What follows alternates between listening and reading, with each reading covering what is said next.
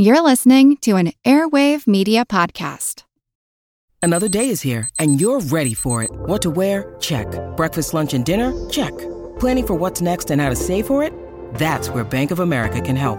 For your financial to dos, Bank of America has experts ready to help get you closer to your goals. Get started at one of our local financial centers or 24-7 in our mobile banking app. Find a location near you at bankofamerica.com slash talk to us. What would you like the power to do? Mobile banking requires downloading the app and is only available for select devices. Message and data rates may apply. Bank of America and a member FDIC.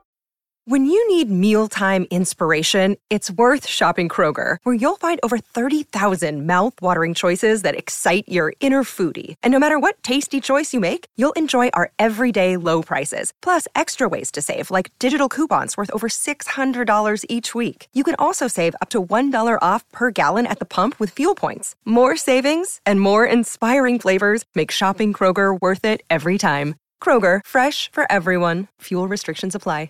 This is Kick Ass News. I'm Ben Mathis.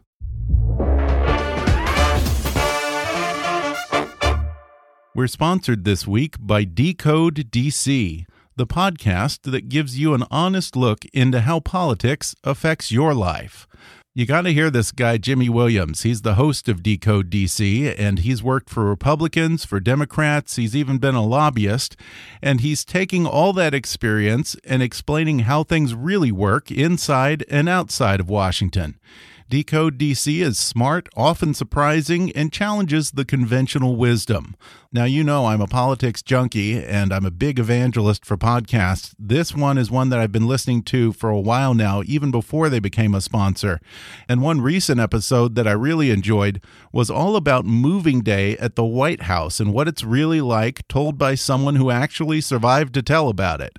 Did you know that when the presidency changes hands, just like it did a week ago, the White House only has five hours between the time the outgoing president leaves for the inauguration and the new president returns from the inaugural parade to get the old president and his entire family and their stuff moved out and the new one completely moved in. Fascinating stuff. There's even an ongoing series on how politics affects the food you eat, from salt to sugar and everything in between. So check it out. I'm a fan, and I think you'll really love this one. That's Decode DC, as in District of Columbia, available on iTunes, Stitcher, or wherever you get your podcasts. And now, enjoy this podcast. Mr. Trump, can I ask you about the, Yes. the, the US has just concluded an international trade uh, agreement with 11 countries in the Pacific. You've said that ra- you'd rather have no deal than sign the one that's on the table. a horrible But most deal. economists, most economists say that trade has boosted growth, and every single post-war president has supported the expansion of international trade, including the last three Republican presidents. Why would you reverse more than 50 years of U.S. trade policy? The TPP is a horrible deal.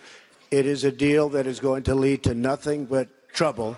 It's a deal that was designed for China to come in, as they always do, through the back door and tro- totally take advantage of everyone. China in particular, because they're so good. It's the number one abuser of this country. Hey, Gerard, you know, we might want to point out China's not part of this deal. Yeah. True. It's true. Yeah. That's right. That's But right. it's- Before we get a little bit off kilter isn't that, here, isn't that part of the problem? Hi, I'm Ben Mathis, and welcome to Kick Ass News. That was presidential candidate Donald Trump during a November 2015 Republican debate, ranting about his objections to the Trans Pacific Partnership trade deal for reasons he didn't understand against a country that wasn't even part of TPP. Never one to be swayed by basic economics, facts, or good sense, Donald Trump, in one of his first acts as president, signed an executive order this week officially withdrawing the United States from the Trans Pacific Partnership. Many Democrats, as well as some Republicans like Senator John McCain, called the withdrawal, quote, a serious mistake that will have lasting consequences for America's economy and our strategic position in the Asia Pacific region. And he's right. In a staggering display of idiocy, Donald Trump, the same man who shouts at the top of his lungs that America is losing to China, handed China a greater economic and geopolitical victory than they ever could have hoped for. And although it was largely a symbolic gesture, after all, TPP was already dead in the House and the Senate anyway, Trump put the final death nail in the deal that many economists agree would have made America the dominant player in the Pacific Rim. But even more alarming is what this portends for Trump's broader trade agenda, or perhaps I should say anti trade agenda. In his first week in office, Trump's already uninvited the president of Mexico to the White House, offending our third biggest trade partner. He's stated that he wants to renegotiate NAFTA, sending a signal to our allies that agreements with the U.S. aren't worth the paper they're printed on. And he's threatened countries like China with a 35% tariff that would almost certainly start a trade war and send the U.S. economy spiraling into recession. But you don't have to take my word for it. 14 different former chairs of the President's Council of Economic Advisers, Republicans and Democrats, signed a letter calling for passage of the Trans Pacific Partnership and an embrace of broader free trade policies. And two of them will join me on today's podcast to explain the dangers of Trump's isolationist agenda. They're Professors Austan Goolsbee and Martin Feldstein. Austan Goolsbee served as the chairman of the President's Council of Economic Advisers to President Barack Obama, and Martin Feldstein preceded him in that position as chairman of the President's Council of Economic Advisers under President Ronald Reagan. But one thing that they both agree on is free trade is good for America, and that a return to protectionism would be disastrous for the U.S. economy and our standing in the world.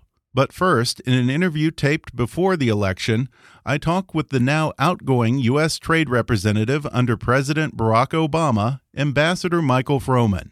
He's the man who negotiated the Trans Pacific Partnership on behalf of the U.S., and he discusses what's in the TPP and why the deal was overwhelmingly in the U.S. national interest. Coming up with Austan Goolsbee, Martin Feldstein, and Michael Froman in just a moment.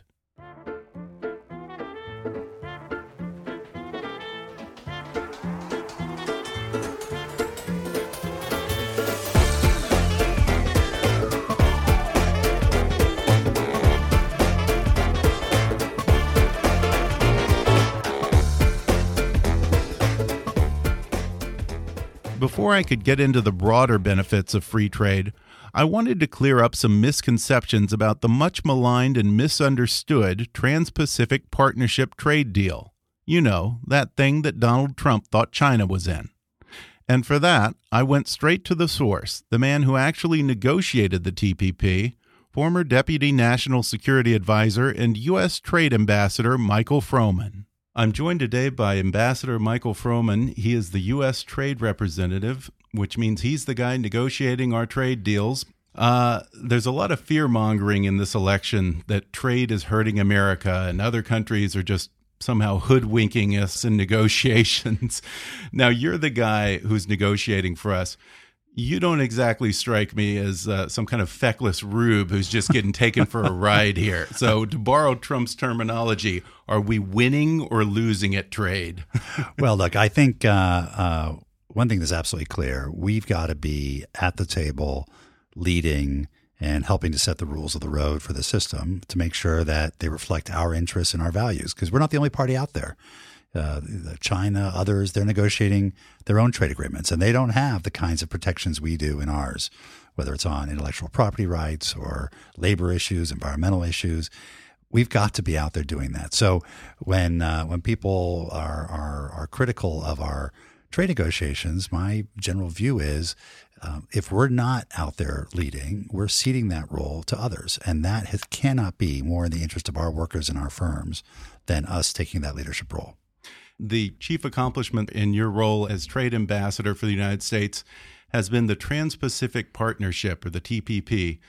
During negotiation, the details of the agreement were not released publicly, which led to a lot of skepticism and conspiratorial thinking uh, in some circles. Can you now tell us what's in the deal and what the TPP does for America? Well, absolutely. First of all, we even during the negotiations, we put out a lot of information, but having completed the negotiation, it's all on the web. Every single word of it. And we've put out summaries of every chapter. We've put out fact sheets on every issue. And there's plenty of information out there. We're happy to answer any questions that come up. But this agreement, it's 12 countries representing 40% of the global economy. And what it does is, it, it, by way of, of context, we're already an open economy.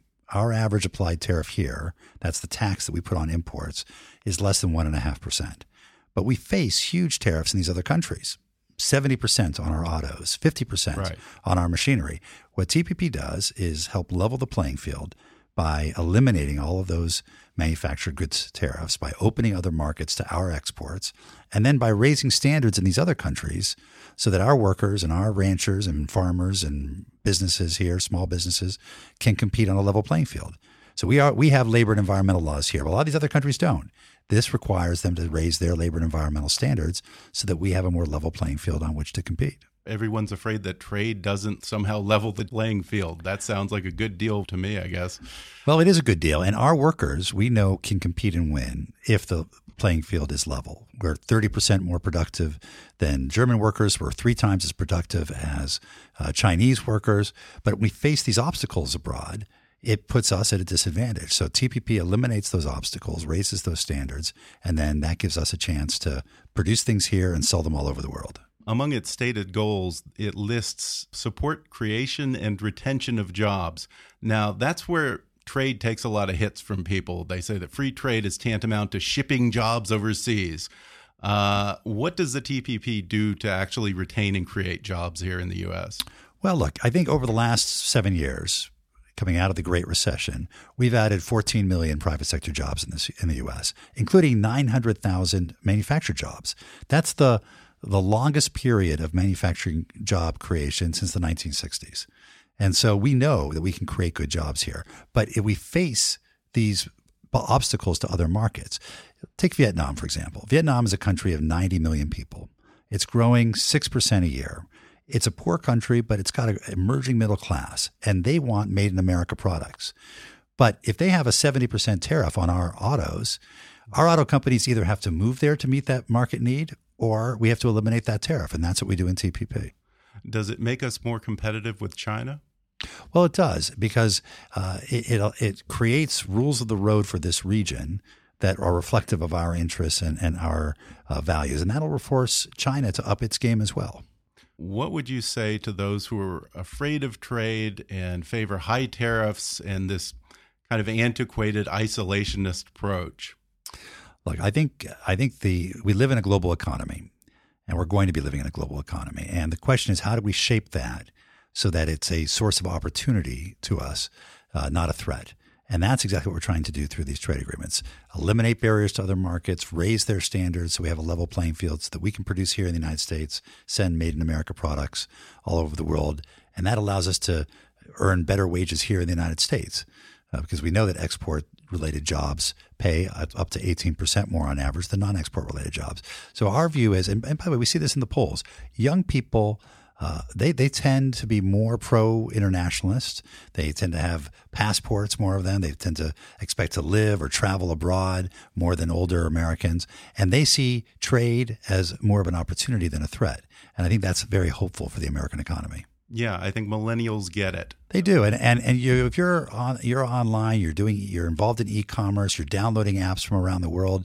You are already engaged in international trade, and but a lot of those ability, a lot of those issues, you shouldn't take for granted because the ability, for example, to download an app and not have it subject to to customs duties yeah. uh, in a country, uh, you know, that's something we address in TPP. Making yeah. sure there's the free flow of data across borders. Without TPP, those sets of rules may not always exist.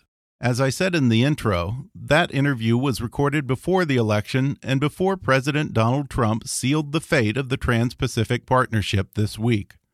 To get a broader idea of what we're missing out on by abandoning TPP, I talked with Ambassador Froman's colleague in the Obama White House, Dr. Austan Goolsbee. Austan Goolsbee served as the chairman of the President's Council of Economic Advisers to President Barack Obama and as the chief economist at the Economic Recovery Advisory Board. He's been named one of the 100 global leaders for tomorrow by the World Economic Forum, one of the six gurus of the future by the Financial Times, and he topped the New Yorker's list of the most intriguing political personalities of 2010. These days, he's teaching as the Robert P. Gwinn Professor of Economics at the University of Chicago's Booth School of Business. He views the death of TPP with a certain degree of gallows humor, because as you'll hear in a moment, we've been through this all before, and it seems we may be destined to make the same terrible mistakes all over again. Austan, Trump's first executive order as president was to withdraw the U.S. from the Trans Pacific Partnership. Um, nothing technically actually really changes because Congress hadn't approved the deal to begin with. Uh, Austan, is it possible that this is just a symbolic gesture to placate his supporters in the Rust Belt and perhaps it has no real significance? Uh, I don't think so. You know, who they they they had uh, celebrations broke out throughout China yesterday. Uh, you know, as they as the news process through there, that, because China is going to be the big beneficiary of the U.S. not taking part. If by by your question you're asking, do you think he's just saying, "Oh, I'm not doing TPP," but he's going to plan to expand trade in other ways? personally, I hope you're right, but given the people that he's uh, put into various positions and given what he's been saying, I I really don't think that's right, and I think there's there's even some significant danger that he accidentally starts off with just an old-fashioned trade war. Well, even you said at one point, and I'm quoting you here if you look at these 900 page agreements, they're two pages of what every economist says they want about opening up tariffs, and then 898 pages of loopholes. If that's the case, might the new president have a point that maybe we could stand to be a little less eager to sign these trade agreements and maybe play a little bit of hardball, negotiate more favorable deals? I still think that if you look at trade agreements, they're as I said at that time, they look like the tax code. Yeah. Where you what you would like is let's make the tax code real simple and one page, and here's the rate, and let's be done with it. Uh, as they exist now, they're massively complicated and have a bunch of negotiated settlements like we will open these markets, but we're only going to open them slowly. And for the first two years, it's only going to apply to, you know, running shoes, but not these other kind of shoes and stuff like that. there are plenty of individual things in any trade agreement that that you can look at and say, look, I, I think this these provisions are not good ones. We should change A, B, and C. But ultimately, you kind of have to decide are you do you think expanding trade is good for the economy or bad? Okay, so you don't think Trump might prove to be the master negotiator he claims to be, and uh, you know, come back with an improved deal, huh? If what you were telling me was the Trump administration has had some kind of thought breakthrough of how to reconceive of trade agreements and get more trade and have more benefit to U.S. exporters, I would be the first guy to applaud that. I think that's great. I don't think at all that's what they're proposing. And I challenged both presidential candidate Donald Trump and presidential candidate Donald Trump's entire economic advising team including the people who have gone into the government, like Peter Navarro, Wilbur Ross, etc., when they said that these agreements were heavily against the U.S. Uh, and and Trump had some phrase like the worst negotiated deal in history or something. I said, name a single provision of the trade agreements that you feel was inadequate, and what would you have said or done differently? And the answer is they did not know any of the provisions of the trade agreements. And so that's my that's kind of my point. If they were conceiving of a way to make the US rich, I would be for it. But what they're proposing is rooted in ignorance, not in fact or in intelligence. I fear he's just repeating a mistake that's been tried hundreds of times by countries all around the world. It's not it's not a new idea that uh, we're going to try to make ourselves rich by shutting out other people's stuff and try to promote our own. That mercantilist, nativist, isolationist approach has been tried many times. It makes you poor. It doesn't make you rich. Uh, yeah, I'll just give you some examples. There was a time in Brazil where Brazil decided they were sick of the U.S. and other advanced countries making all the computers. So they banned effectively all personal computers from the United States in an effort to promote their own domestic production of computers. and as a result, there's an entire generation of people in Brazil who never learned to code, who never learned to use software, and you don't see any leadership uh, in technological industries from a wide swath of the, of the Brazilian population. That's the same idea. That it's not as though these these ideas have not been tried. They have been tried. They're proposing things that we have done before and failed. and so that's why I'm not inclined to say, oh, well, maybe on international trade and trade agreements, Donald Trump is actually a closet genius who has thought through the details and he's going to renegotiate the TPP in a better, more favorable way for the United States than the existing one is. He didn't even know who was in the TPP when he was condemning it.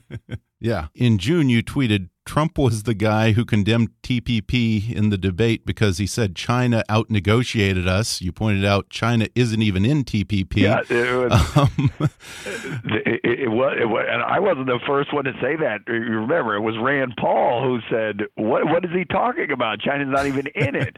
um, and so I kind of think that's the we we've graduated into a alternative fact universe. um, is it possible that not entering into a trade agreement with the other 11 countries in the TPP actually makes us weaker against China? Rather than making us stronger, we're creating a vacuum for China to fill. Yeah, not not only is it possible, it's that's absolutely correct. That's why China was thrilled that we did not enter into the TPP.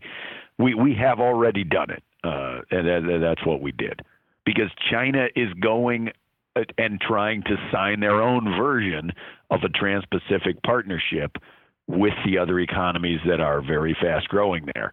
And even though China isn't a part of the deal right now, uh, the concern seems to be that China will eventually join TPP and that currency manipulation hasn't been addressed in TPP. Is that a valid issue? There are two different, you got two different things in, in that question. One is the well, yes, China's not in the TPP, but might they become part of the TPP? And the second is, should currency manipulation have been put into the lines of the trade agreement itself? On the China joining the TPP, it is China is in many ways, in, in many of its big sectors, not really a market economy, and they got massive state-owned enterprises. Mm-hmm. They can't join the TPP unless they convert them their economy in wide measure into a free market economy. Now, if China were going to convert itself to a free market economy and give up communism and give up state control over those big enterprises, um, I don't. That seems inconceivable to me. But if they were going to do that, that would be great for freedom, for the for the free market, for the world economy as a whole. Uh, so the, the thought that China is going to abandon communism and state-owned enterprises in order to get in the TPP is is a, basically a joke, and you know that's a joke. But if they, if some by some miracle they would do that, that would be great. Now, on the question of should currency manipulation be in a trade agreement, economists have always had a problem with that because you would have to describe what does it mean to be a currency manipulator and your monetary policy does affect your currency so if you were in a situation like the one we're in now, where the U.S. has been growing pretty steadily, and you have some countries in emerging markets that are absolutely in the dumps, and they're loosening their monetary policy while we're raising interest rates, their currencies will go down in the free market. That's not currency manipulation. That's just what happens when you have some countries growing and some countries shrinking. The currencies will move. And so I, I understand the principle that we don't like currency manipulation, and I agree with it. We we shouldn't like currency manipulation, but I don't see how you would put into a trade agreement any enforceable language about currency manipulation because how would you separate it from the country would say, but we're doing really crummy and you guys are doing well, and that's the only reason our currency is going down. You, you can't take away their their monetary policy, and therefore you can't. That that's fundamentally not enforceable. Um, is there a TPP without the U.S.? Do the other 11 countries go on without us? I don't know. That's a good question. I know Australia is trying to move ahead with that. Maybe the TPP could proceed on its own. Um, it would be a TPP heavily dominated by Japan, and my impression has been that many of the countries in Asia um, wanted to participate in the TPP as a counterbalance to the growing strength and muscle flexing of China, um, and that they need the U.S. to do that. My bigger fear for for the U.S. is, and you've already seen it, you know, China developing alternative institutions that are favorable to China and going and trying to sign those deals, uh, you know, with with country after country, and and their sales pitch is the U.S. cannot be trusted. Look at who the president is. Look at the things he said about allies, about trade, about leaving you in the lurch. And if that makes you nervous, then come to us and we'll mm-hmm. we have an offer you can't refuse. Um, that I, I I wish we weren't in that situation, but that's the situation we are in. One thing that confuses me is Donald Trump keeps bringing up tariffs. And as I understood it, tariffs are really kind of a relic of the past. We don't really deal in tariffs anymore. So, what is this trade agreement really about? One of the entire points of the Trans Pacific Partnership was exactly to modernize trade agreements. So one of the biggest problems, Ben, as you know, in in international trade circles is that the old days where the main thing that was happening was tariffs, that's long gone. Most products don't have any tariffs. The bigger issues are things like these national champions where countries in Asia are subsidizing their big domestic uh, enterprises and having those state owned enterprises or subsidized enterprises go out and compete and be big exporters. So there's a whole major component of the TPP was about that was about non-tariff barriers and national champions and subsidies and how do you reduce that um, and that's actually really important. And it's a terrible shame that we just blew that up. Well, given how quickly he shot down TPP, can we expect NAFTA to get a similar treatment?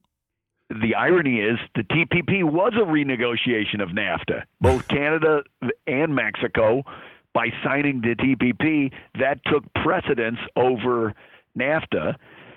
So hopefully, uh, all, what they're going to do is incorporate the best parts of the of the TPP into NAFTA, and I think people would be open to that to looking at that. But I fear that that what the Trump approach uh, is doing is just saying, "Oh, everybody was stupid and everyone was an idiot and nobody knew what what they were doing. So if we just threaten or put in tariffs on foreign products, and then simultaneously demand that they give us what we want, otherwise we're going to have these tariffs. They will start a trade war. That's that's how it works. That's how trade wars begin. And if we stumble and bumble our way into a trade war, uh, shame on us. How stupid would we be to generate a recession for ourselves out of hubris, out of something. Uh, I, I, that just makes me really nervous, and I hope that's not what's going to happen. Well, you just brought up the two words that everyone's afraid of trade wars. Um, what are the real consequences of the failure of TPP? What could be the worst case scenario here?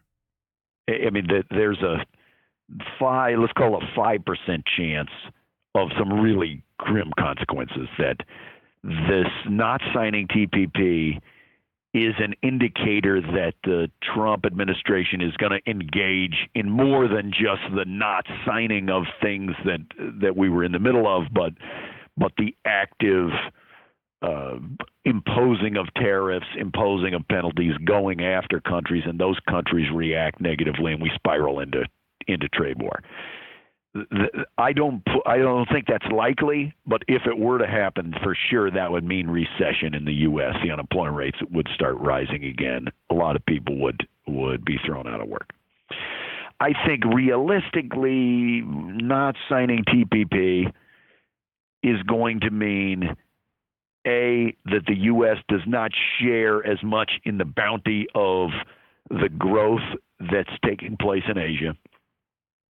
So we're we're just not as rich as we would have been. We're not going to generate the same export uh, based jobs that we that we could have generated. Two, I think you're likely to see a couple of steps more brazen actions by China. They're likely to go sign a series of either bilateral or multilateral trade agreements with the member countries of the TPP that are more in their favor, hmm. in which case, uh, when that starts to happen, you will see U.S. exporters up in arms complaining that when they're trying to sell beef to Australia or consumer products, electronics, a whole variety of things, that they're finding that they're being shut out and the contracts are going to the Chinese. In the short run, they're just lost opportunities. And over the medium and longer run, they hasten declines and put our companies in tougher positions. Now, I realize you might be thinking, well, of course Michael Froman and Austan Goolsbee were cheerleaders for TPP. After all, they worked for President Obama, and this was his initiative. But it's worth noting that among the 14 former chairs of the President's Council of Economic Advisers who signed that letter urging passing of the Trans Pacific Partnership, eight of them were Republicans. One of them was Professor Martin Feldstein, who served as the chairman of the council under President Ronald Reagan. He later served as a member of the President's Foreign Intelligence Advisory Board under President George W. Bush and on President Obama's Economic Recovery Advisory Board. He is the recipient of the John Bates Clark Medal of the American Economic Association. He serves on the board of directors of the Council on Foreign Relations, and in 2005, he was widely considered a leading candidate to succeed Alan Greenspan as chairman of the Federal Reserve Board. He's the president emeritus of the National Bureau of Economic Research and the George F. Baker Professor of Economics at Harvard University, where he's influenced an entire generation of economists, including Larry Summers, Lawrence Lindsay, Harvey Rosen, and Glenn Hubbard. Martin Feldstein says free trade appeals to the most fundamental Republican free market values, and economic engagement ought to be a conservative imperative. Professor Feldstein, you were one of 14 former chairs of the President's Council of Economic Advisers to both Democrats and Republican presidents who signed a letter calling for renewal of the Trade Promotion Authority to pave the way for the Trans Pacific Partnership and the Transatlantic Trade Partnership. Based on that, is it fair to say that, at least among economists, there seems to be bipartisan agreement that TPP is a good thing for America? Well, I guess I should say was a good thing or would have been a good thing. But I think I and many others thought that it was a good thing primarily for uh, foreign policy reasons, because it would have sent a strong signal that the United States wanted to engage with the countries Pacific and particularly the East Asian countries and send a signal to China that if it wanted to be part of that group, it was going to have to do a variety of reforms. So it wasn't going to be a big change in trade, uh, but it was going to be a good signal about our political engagement in the region. Is that perhaps part of the problem? Is that the opponents of TPP are looking at it purely uh, in terms of the specific trade benefits and not in terms of the big picture in the Pacific? Well, I think that that is a problem looking back uh, on why it is a serious loss that TPP was allowed to die. Um, but I think uh, Hillary Clinton uh, criticized it, said that she couldn't sign on to it the way it was, and uh, Donald Trump, when he was a uh, a candidate, said the same kind of thing that they didn't uh, they would want to make changes. Well you can't make changes when you have more than a dozen other countries that have already passed it through their legislatures. So it was dead and um, i think all that uh, president trump did was to shoot a dead horse when he said uh, he was taking it off the table for the us but i think it's unfortunate yeah, and it's strange to see a Republican president being so adamantly against this. I always thought of free trade as a Republican issue, and now the large part of the opposition in Congress seems to be on the Republican side. Is there a case to be made in favor of TPP and free trade in general from the standpoint of traditional conservative Republican economic principles? Well, set aside TPP because there's no case to be made. It's gone. Right. But in general, I would say yes, uh, that uh, Republicans traditionally had supported free trade. Uh, I have been a supporter of free trade. Uh, basically, the United States benefits from the fact that our imports are about 15% of our GDP, and those are things that if we tried to produce them here in the U.S., would be more costly. So American consumers come out ahead. Yeah, and Donald Trump loves to cite Ronald Reagan as one of his heroes, and he seems to compare himself to Ronald Reagan a lot. Um, but you you worked for the man. As far as I recall, Reagan fell pretty firmly on the side of free trade, didn't he? I mean, the U.S. Canada Free Trade Agreement. Um, you know, he vetoed quotas. Uh, he he was in general in favor of free trade. On the other hand, uh, he didn't mind the fact that we had strong armed the Japanese at that time into so called voluntary uh, export restraints. So um, there was a problem then because Americans were very unhappy about how the Japanese had taken over the market for cars in the United States. And um, uh, and all the politicians on both sides of the aisle piled in on that anti-Japanese feeling at the time. Just as now there's a similar kind of concern about the Chinese and the fact that it's not cars, but it's just about everything else that seems to be manufactured in China. Well, with regard to TPP and sort of the elephant in the room, which is, of course, China, You've spent your share of time, I believe, in China and are well acquainted with the dynamics at play in the Chinese economy. What will be the impact for the U.S. relative to China now that we are no longer joining the TPP? Well, somehow the Chinese seem to have stepped forward and said, well, they're prepared to be the leader.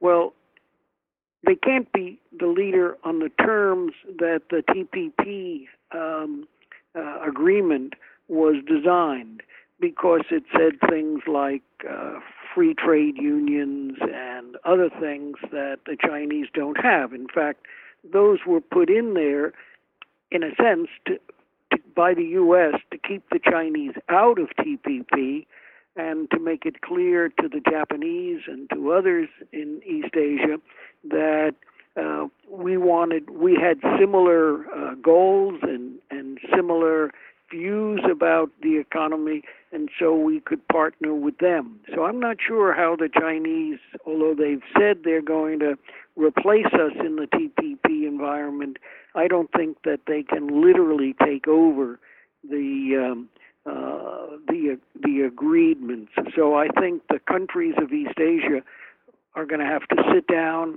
and come up with a new plan uh, that'll be very different from the TPP that we designed. Um, are we perhaps creating a vacuum for China to fill in the Pacific?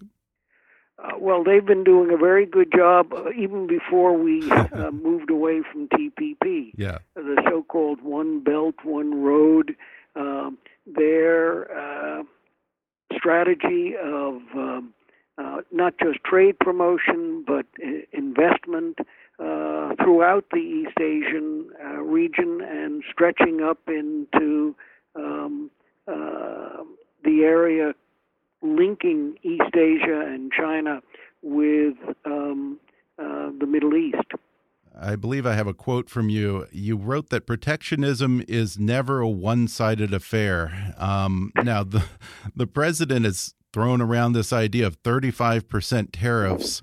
Is it wildly naive for Americans to think that there aren't going to be consequences to this? Well, I don't think that's going to happen. I Okay. think during the campaign he talked about tearing up NAFTA. He talked about 35% tariffs.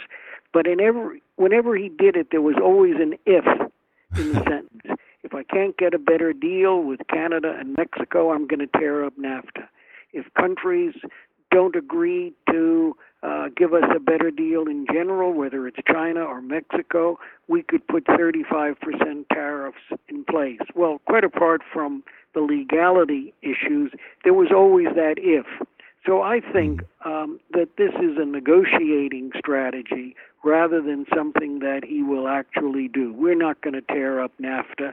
It's much too important for the American economy. We benefit too much from it, and we're not going to put on 35% um, uh, tariffs on uh, on imports from countries that we think are. But I think what we will do is use the threat, uh, and he has appointed three people in the trade area, all of whom uh, seem to like the idea of negotiating and trying to get a better deal.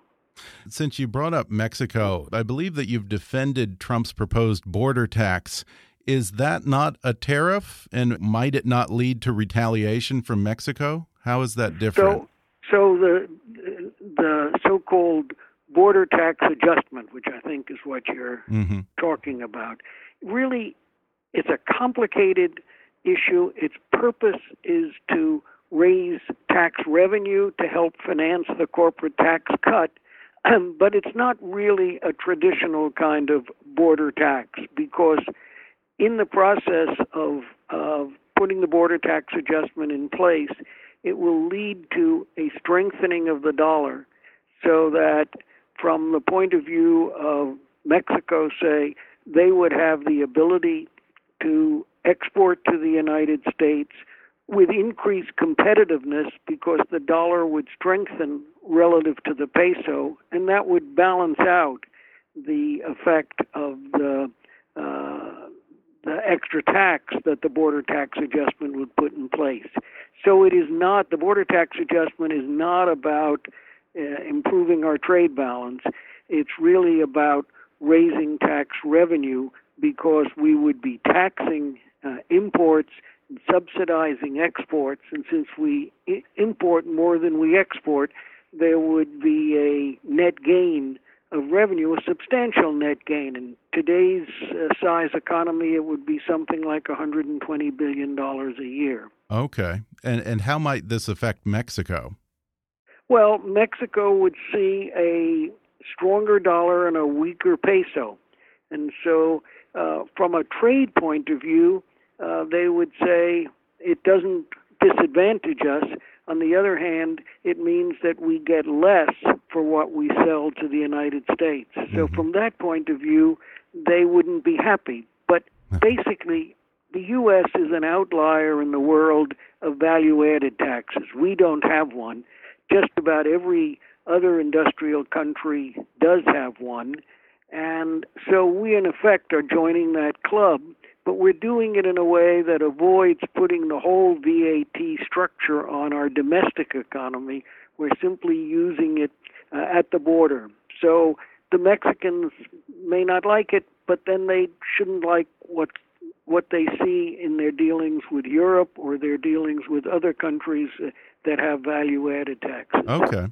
And speaking of Europe, um, Trump has said that he, he would like to negotiate a trade agreement with the UK, but is isn't that kind of a drop in the bucket compared to what we're losing with the TPP and No, I don't think so. I mean again TPP was not going to do any substantial amount of good for US exports. Okay. It was really designed to set up certain uh, policies and priorities, but it wasn't going to be a significant export uh, promoter. So uh, I think that uh, uh, doing a deal with with Britain and perhaps with other countries would be a good thing for us. Yeah. How about the uh, now defunct transatlantic partnership? well, it never really got off the ground. Yeah. Uh, the Europeans didn't want it, we didn't want it, and so it's it didn't go anywhere. Part of the reason for this um, was not just what happened during the election, not just what Hillary did and what Trump did, but the fact that uh, Obama, although he um, introduced those ideas, he never tried to sell them. He really didn't uh, exercise himself in trying to promote either TPP or the European equivalent. And, and then at the very last minute, he suddenly started to become engaged. But like everything else, he he did not like uh, negotiating with the Congress, and so Yeah. uh, he wasn't uh, pushing TPP. So you think that if he might have invested a little more political capital, perhaps a little sooner, he might have gotten TPP? He might he might well have. Wow. If it had happened before we got into the uh, campaigning season, if it had happened a year earlier, I think TPP could have passed because there was a general understanding that from a foreign policy point of view, TPP would be a good thing for the United States. Yeah. Well, I guess the theme of this conversation uh, might be, oh, what might have been. well, to me, I guess it, it, speaking in general about free trade before we go, um, to me, it's always seemed like common sense and the most basic economics that the bigger the marketplace, the bigger the prosperity all around. Um, are people making it more complicated, or are they? In a sense, um, didn't want to admit that there were losers in the process. Mm-hmm. That while in the in total the United States is a beneficiary. In total, we have the advantage of importing things at lower cost than we could produce them at home. That increases the real incomes of the American public as a whole but some people lost jobs. Mm-hmm. And we like to gloss over that, we meaning the economics profession, uh, in advocating free trade. And I think we have to face up to the fact that, yes, there are going to be losers in that, but those losses of, of certain kinds of jobs are, I think, less important, less significant than the losses that occurred because of changing technology. Mm-hmm. But you can't politically campaign against technology, so you campaign against foreign producers. There are plenty of old saws that apply here. One's about throwing out the baby with the bathwater or not cutting off your nose to spite your face. But Austan Goolsbee's favorite analogy for bad trade policy goes back to an incident from his childhood. I make the analogy to a time when my aunt made a lasagna that wasn't wasn't as that good and they ended up stuffing it down the sink where it clogged a drain at at my aunt and uncle's place in which was in Lubbock. And so my uncle goes out and gets the thing and they, they no longer sell it. It was called the bomb and it was kind of a combination of a plunger and a firearm and it had a CO2 cartridge in it and you set that thing in the drain and you blew the clog out. And they lived in in what we would call a converted That is, it was a little house with a wall down the middle, and there were two identical apartments on each side. So my uncle goes down to the store, gets the bomb, sticks it in the drain, he blows the clog out of there. And every time he fired it, it didn't send it down into the sewer. It just blew it over into the sink of their neighbor. And so the next day, those people come over and they're like, "Was there some kind of a plumbing disaster that took place?"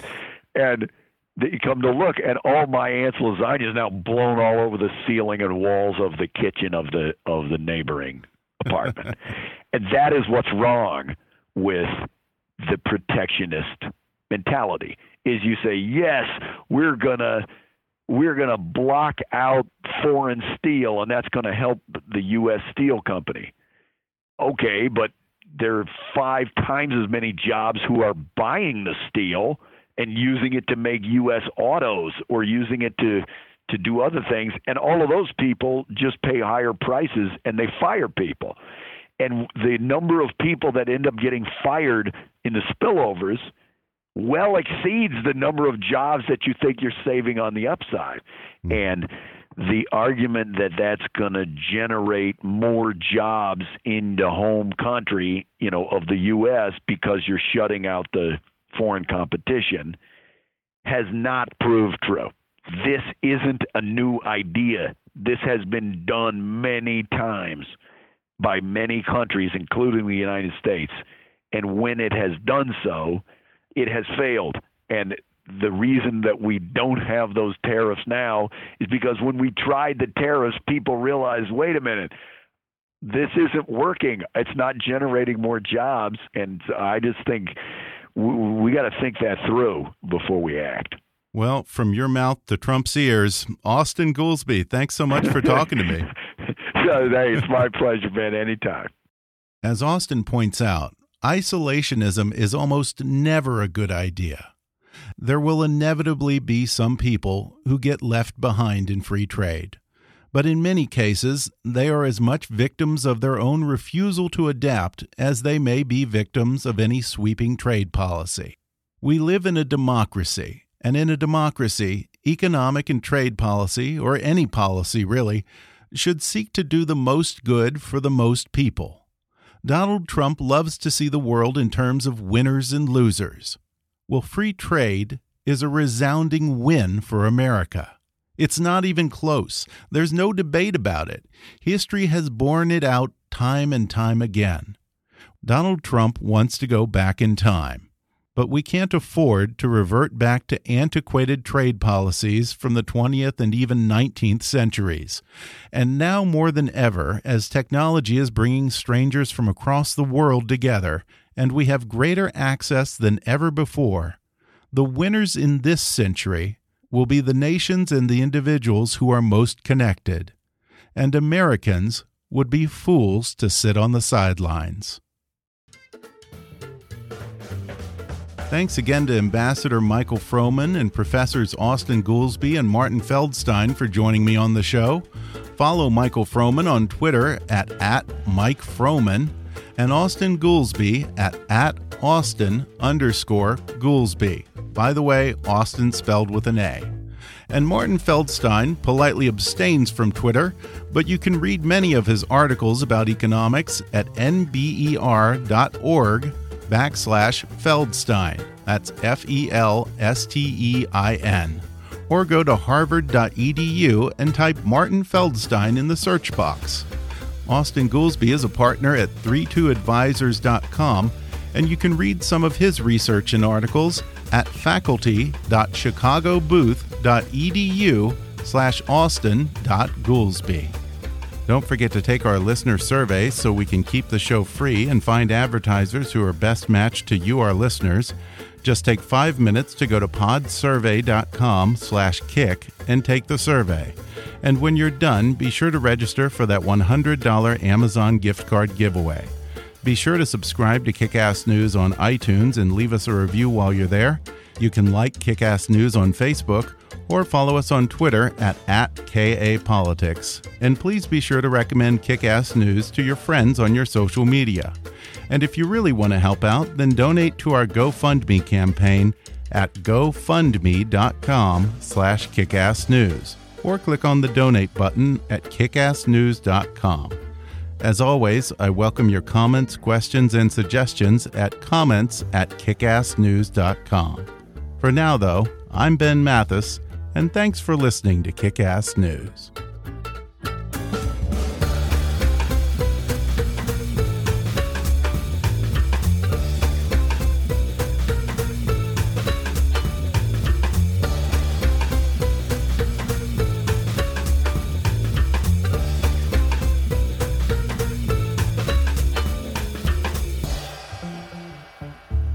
Kick Ass News is a trademark of Mathis Entertainment, Inc.